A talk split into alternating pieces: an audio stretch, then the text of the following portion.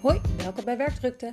Mijn naam is Tessa Lange en ik neem je in deze podcast mee in mijn leven als grootdromer die sinds een paar maanden weer in loondienst werkt en daarnaast het ondernemerschap verder uitbouwt.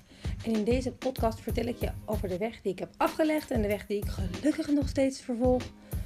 Namelijk persoonlijke ontwikkeling is mijn hobby. Ik heb, me echt, ja, ik heb er mijn werk van gemaakt uh, en uh, het is ook wel echt denk ik mijn hobby. En ik neem je mee in de golden nuggets die ik uit dus mijn leven haal. Ter inspiratie en ter vermaak. Want iemand anders misère op zijn tijd is best wel lekker. En in deze aflevering ga ik je vertellen over mijn ervaringen van huilen op het werk. Tja, huilen op het werk. Ik, ja, ik huil makkelijk.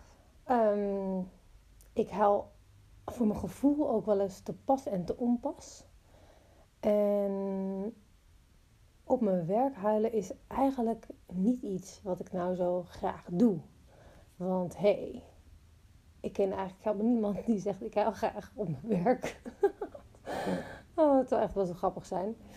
Um, en ik heb daar best wel mee geworsteld ook. Omdat zeker in het begin van mijn carrière, zeg maar, mijn werkende leven kon ik best wel slecht tegen kritiek. En werd ik zo geraakt dat ik een soort van niet wist wat ik aan moest. En dan kon ik nog maar één ding en dat was huilen. En huilen is natuurlijk. Je hebt verschillende fases van huilen. Hè? Je hebt gewoon een paar tranen in je ogen. Je hebt um, dat je even huilt en de tranen uh, wegveegt. Maar je hebt zeg maar ook het echte, het echte huilen. Oké, je hebt natuurlijk ook nog echt de, de, de, het hele harde, snikkende, wat niet meer overgaat. Ik zou graag willen vertellen dat ik dat, dat nog nooit heb gedaan. Maar dat is ook niet waar volgens mij. Um, uh, maar ik moet wel heel eerlijk zeggen dat ik me maar nog maar één herinnering daarvan heb. En dat was gelukkig in een veilige setting op mijn werk niet per se tijdens mijn werk met mijn collega's waar ik op dat moment aan het werk mee was. Het hele harde snikken was een keertje in een trainingssessie waarin ik niet eens meer. Ik moest iets doen. Ik moest iets met een acteur doen volgens mij. Um, en ik werd zo geraakt dat ik gewoon. Ik kon gewoon niet meer stoppen. Ik kon gewoon. Het was echt gewoon het hele heftige huilen. Maar nogmaals, dat was in mijn traineegroep. Mensen die mij kenden, die al mijn tranen al vaker hadden gezien. Um, dus dat ja, is ook oké. Um, maar het echt op mijn werk tijdens, als ik feedback kreeg die niet zo positief was, of in ieder geval in mijn hoofd het overkwam alsof dat ik het helemaal verkeerd had gedaan. Dat ik, uh, uh, dat ik vooral ook volgens mij meteen geen uitweg meer zag over hoe ik dat dan moest veranderen. Of hoe ik het anders zou moeten doen. En dus kan ik het dus blijkbaar niet anders. Zal deze kritiek dus altijd waarheid zijn. Nou, zoals je hoort, ik maakte het enorm groot en ik kon het niet meer parkeren. Het, het, parkeren van, oké, ik word geraakt. Ik ga eens onderzoeken wat ik ermee moet op een ander moment. dat, is, dat is voor mij parkeren. Je, een gevoel. dat, je kan het wel voelen, Um, en je zet het bewust naast je neer. Zo van oké, ik ga me er niet nu heel erg induiken. Ik ga het niet heel erg uitdiepen. Ik ga het niet helemaal nu beleven. Dat kan op een andere moment. Nou, dat hele parkeren, dat, dat heb ik echt, echt moeten leren. En dat is best wel lastig, want je ziet om je heen. Um, kijk, dat weet je zelf wel. Of je, als jij iemand bent die makkelijk huilt, dan zie je om je heen waarschijnlijk dat je een van de weinigen bent. Op het moment dat je helemaal niet makkelijk huilt, uh, heb je misschien het idee dat je. Uh, hè, kan je precies het andersom hebben. Dat je denkt, oh nou iedereen kan zijn emoties laten zien en ik kan het niet. Of ik durf het niet. Dus die kant hebben andere mensen natuurlijk ook. Iedereen heeft zo zijn eigen dingen waar hij mee zit. Uh, of je bent er helemaal stil mee, dat kan natuurlijk ook. Hè? Ik bedoel, niemand in de hoek te duwen dat er iets mis zou zijn of zo. um, maar ik als we het over huilen hebben, dachten we echt, jeetje, uh, uh, ik, wil, ik wil dit ook niet. ik wil niet huilen. En op het moment dat je hè, overspoeld wordt door emoties en er dus niet per se een uiting aan kan geven in woorden, of niet kan parkeren, of misschien beide. Ehm, nou, dat is zo'n moment dat ik in ieder geval uh, kan gaan huilen. En ik weet nog bijvoorbeeld, eh, een van mijn uh, managers op een gegeven moment die ik had in een opdracht, die, die, die, die, daar bespraken we ook een en ander de feedback en dan ging ik ook weer huilen. En toen zei hij, oh ja, het is wel interessant hè, dat je nu huilt, want um, realiseer je ook dat het een overlevingsstrategie kan zijn. Namelijk, het is een soort van strategie, want als je gaat huilen, dan gaat iedereen over, oh, niet huilen. Hè? Dus, dus je zet jezelf in een bepaalde positie en je dwingt de ander daarmee hè, ook een bepaalde houding aan te nemen. En hij zei, realiseer je dat, dat je dat doet met huilen. Ehm, en niet bewust misschien, maar wel, wel op onbewust niveau zou dat zeker mee kunnen spelen. En ik vond dat zo'n spot-on opmerking. Dat mijn huilen ook dus een strategie is om, ja, om de spanning er echt helemaal af te halen dus. Want dan gaat het dus niet meer over de inhoud van de, van, van de feedback. Het gaat niet meer over... Nee, de hele relatie verandert opeens. Maar tegelijkertijd zet ik mezelf natuurlijk wel enorm in een onderschikte relatie, eh, op een ondergeschikte positie. Er is geen gelijkwaardig meer in, in dat moment als dat gebeurt. En vooral, hè, dat is een, en zeker wel een wisselwerking. Hè? Want als ik alleen maar ga huilen en die ander kan er gewoon bij blijven. En die kan mij nog steeds als volwassene zien en met mij het gesprek gewoon voortzetten. Iemand, die zijn er gelukkig ook genoeg. Die zijn er gelukkig steeds meer, die mensen. Maar op het moment dat iemand dat niet kan en dus in een soort van, oh oh, help iemand, ik heb feedback gegeven en diegene is nu aan het huilen, help, wat moet ik doen? Die gaat redden uh, of die gaat het minder, uh, die gaat het afzwakken. Uh, andere mensen kunnen misschien wel boos worden. Hè? Kijk, het ene gedrag triggert, kan natuurlijk een trigger zijn voor ander gedrag bij iemand anders. En je moet dus best wel stevig in je schoenen staan en, en, en de ervaring en de kennis hebben als gesprekspartner van iemand die gaat huilen om daar niet meer waarde aan te hechten dan alleen maar er, zijn, er komen wat tranen naar boven. Want op het moment dat je dat doet, heb je een hele nette relatie eigenlijk. Een hele gelijkwaardige relatie. En ook daar, als het nodig is, hè, kijk, ehm, op het moment dat je gaat huilen omdat er, um, omdat er iemand uh, overleden is bijvoorbeeld, dat is een hele andere soort van huilen. Daar, daar daar heb je dus, de, hè, de troost is daar passend bij. Het feit dat iemand gaat huilen omdat hij feedback krijgt die misschien niet helemaal goed is. Ja, heeft iemand dan echt troost nodig? Of heeft iemand nodig dat het erkend wordt uh, dat er tranen zijn, dat het blijkbaar heftig binnenkomt. En om samen te gaan onderzoeken, maar is dat reëel? Of Ehm, is dat nu iets wat er van binnen gebeurt? Namelijk een, een zienswijze die mij heel erg heeft geholpen in, in het omgaan met kritiek, zeg maar. Is me realiseren, nou ja, meerdere dingen. Dus als ik ga huilen, dat ik dan daarmee iemand in een bepaalde positie douw. Om mijn eigen hachje te redden, als het ware. Hè? Om die relatie te veranderen, om het makkelijker te maken, om de druk eraf te halen.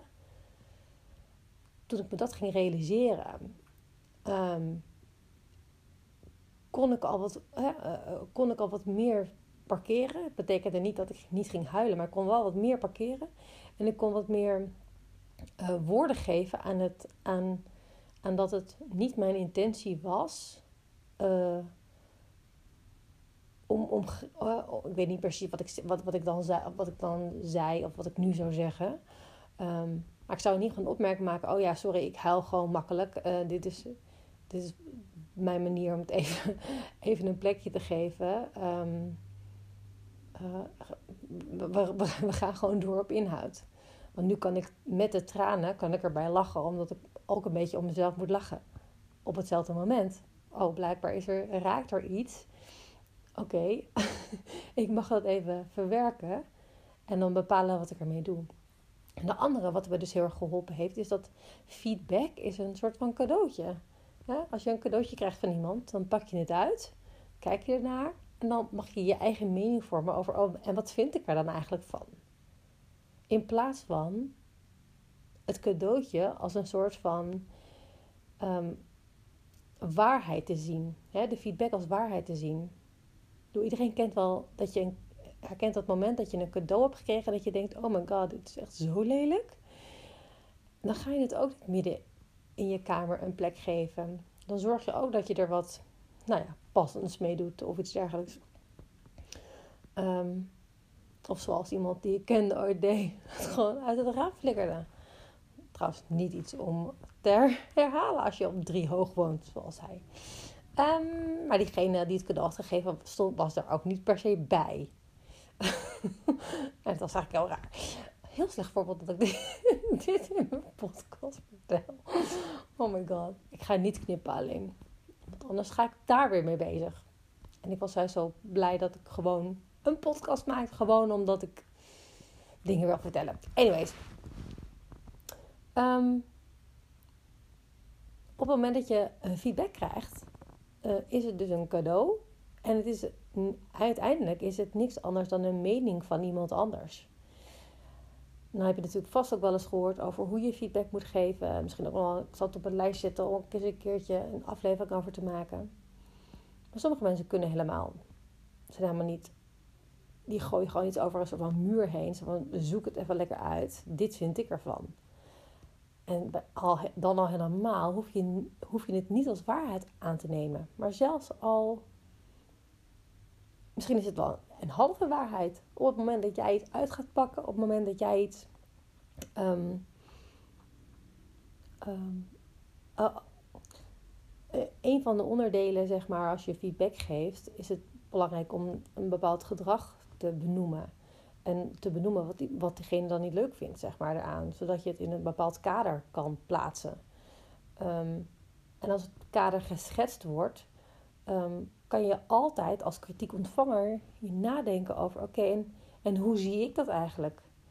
Hè, wat was mijn intentie? Oké, mijn intentie was sowieso uh, goed. Um, dat verandert dus voor de ander niet.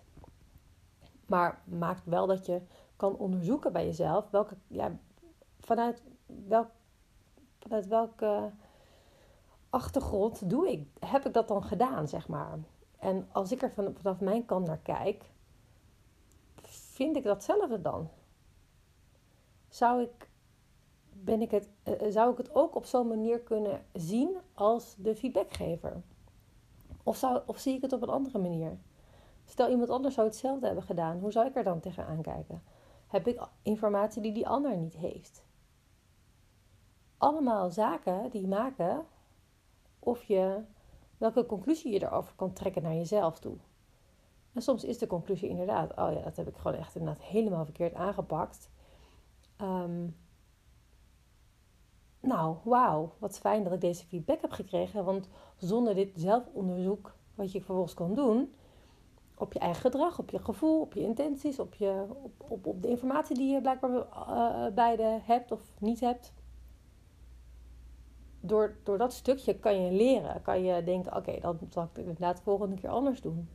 Maar als je op een gegeven moment ergens um, iets terugkrijgt en je denkt, ja, maar ja, ik begrijp het wel, zeg maar. Ik kan het zien hoe die ander dat ziet. En tegelijkertijd, ja, dit is hoe, hoe ik het wil doen. Dit is wie ik ben. Dit, is, dit hoort bij mij en ik heb er geen spijt van. Dan is dat ook oké. En alles wat tussenin zit natuurlijk. Maar op het moment dat je dat doet, kan je in ieder geval van wat je, wat je dan doet, eigenlijk is een stap achteruit zetten en beschouwen over de situatie. Op het moment dat jij een, een, een feedback die je ontvangt direct als waarheid aanneemt en je daarmee identificeert, kan je dus op dat moment ook niet ernaar kijken. Want je zit er helemaal in. En dat is wat ik vroeger deed. Iemand zei iets tegen mij en in mijn hoofd werd ik getriggerd en ik doe het niet goed genoeg. En ik heb zo mijn best gedaan. En hoe kom ik er ook eruit? Et cetera. Dus die twee dingen, anders naar feedback kijken en benoemen als er tranen komen, hey, ehm, sorry dat ik haal, dit heeft niks met jou te maken. Um, heeft ervoor gezorgd eigenlijk dat ik het steeds beter kan dragen. En steeds um, nieuwsgieriger kan zijn in als ik feedback krijg. Laat kreeg ik een keer feedback en dan ben ik nu bewust van: oké, ik hoor mezelf zeggen: oké, ik ga hierover nadenken. Ik ga nadenken over of ik het ermee, hè, wat, wat ik ermee wil. En tegelijkertijd dacht ik: oké, maar bedoel je dan dit of bedoel je dan dat? Of, of, of, en wel een aantal vragen stellen erover om meer achtergrondinformatie te krijgen daarvan. Ehm, en ik kon het op dat moment ook uh, best wel plaatsen. Uh, de feedback die ik kreeg over hoe ik me, uh, hoe ik me had gevoeld op, tijdens, op het moment waar ik feedback over kreeg. Um,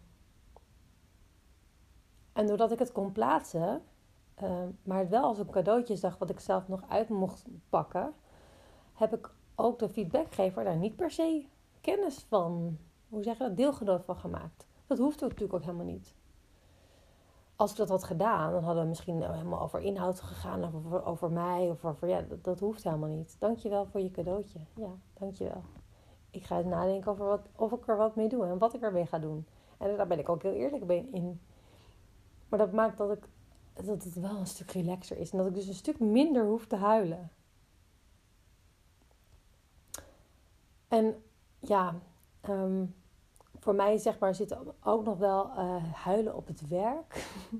zit hem ook nog wel heel erg in.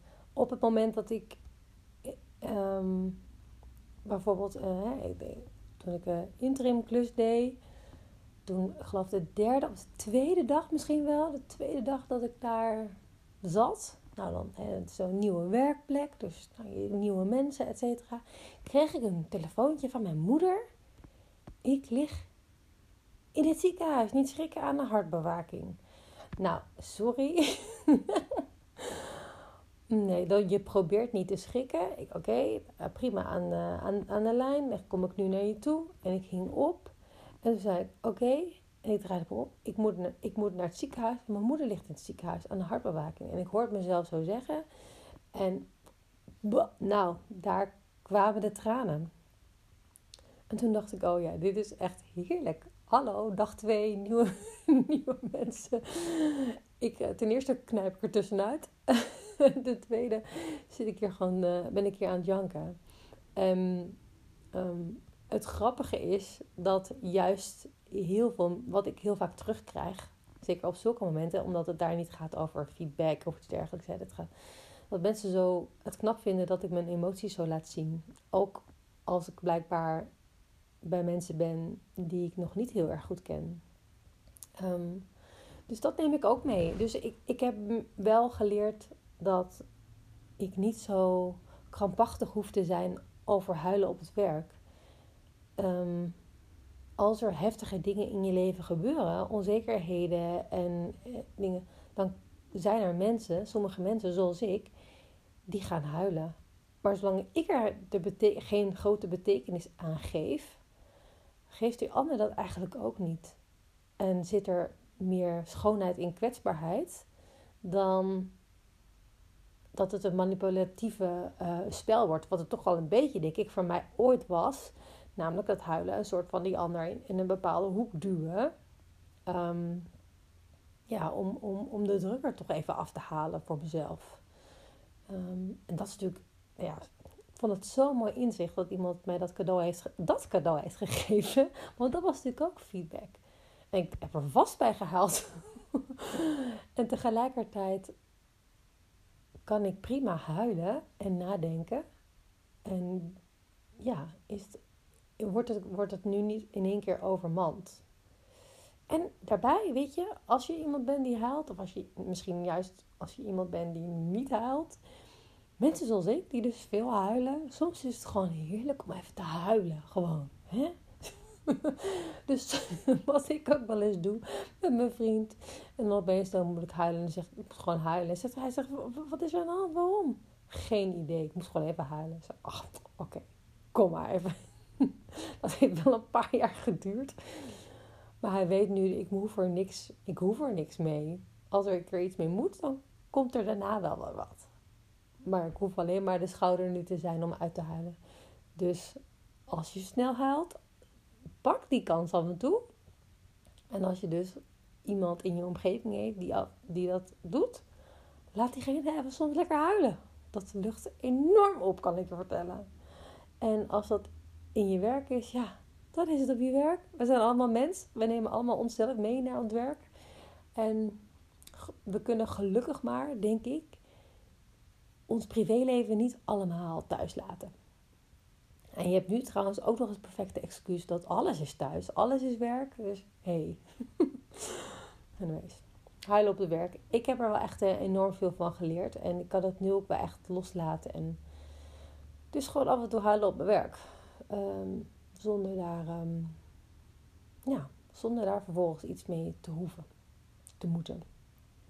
Dus ik ben heel benieuwd hoe jij, of jij eens huilt op je werk. of, uh, of dat je er echt heel allergisch voor bent, bijvoorbeeld.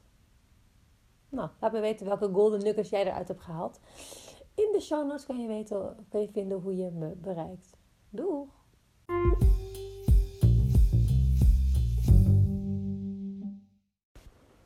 www.divedeep2flyhigh is de website waar je meer kan vinden. Onder andere het gratis e-book wat je kan downloaden. 10 stappen voor young professionals om next level te gaan. Daarin leg ik je de stappen uit die ik nog steeds verder uitdiep om het werk makkelijker, lichter, leuker te maken. En daar kan je de link en informatie vinden over het Next Level Me membership. En we staan helemaal aan de vooravond ervan, dus je kan met de founding members horen. En nu voor slechts 1 euro tot eind februari heb je lid. Kun je daarna beslissen of je blijft of niet. En dan gaan we samen de stap maken naar die next level. Um, en je hebt toegang tot mij. En daarbij de eerste vijf mensen die zich aanmelden, krijgen een week lang Foxer support. En als je dat interessant vindt, de, uh, luister dan even de bonus die er online staat.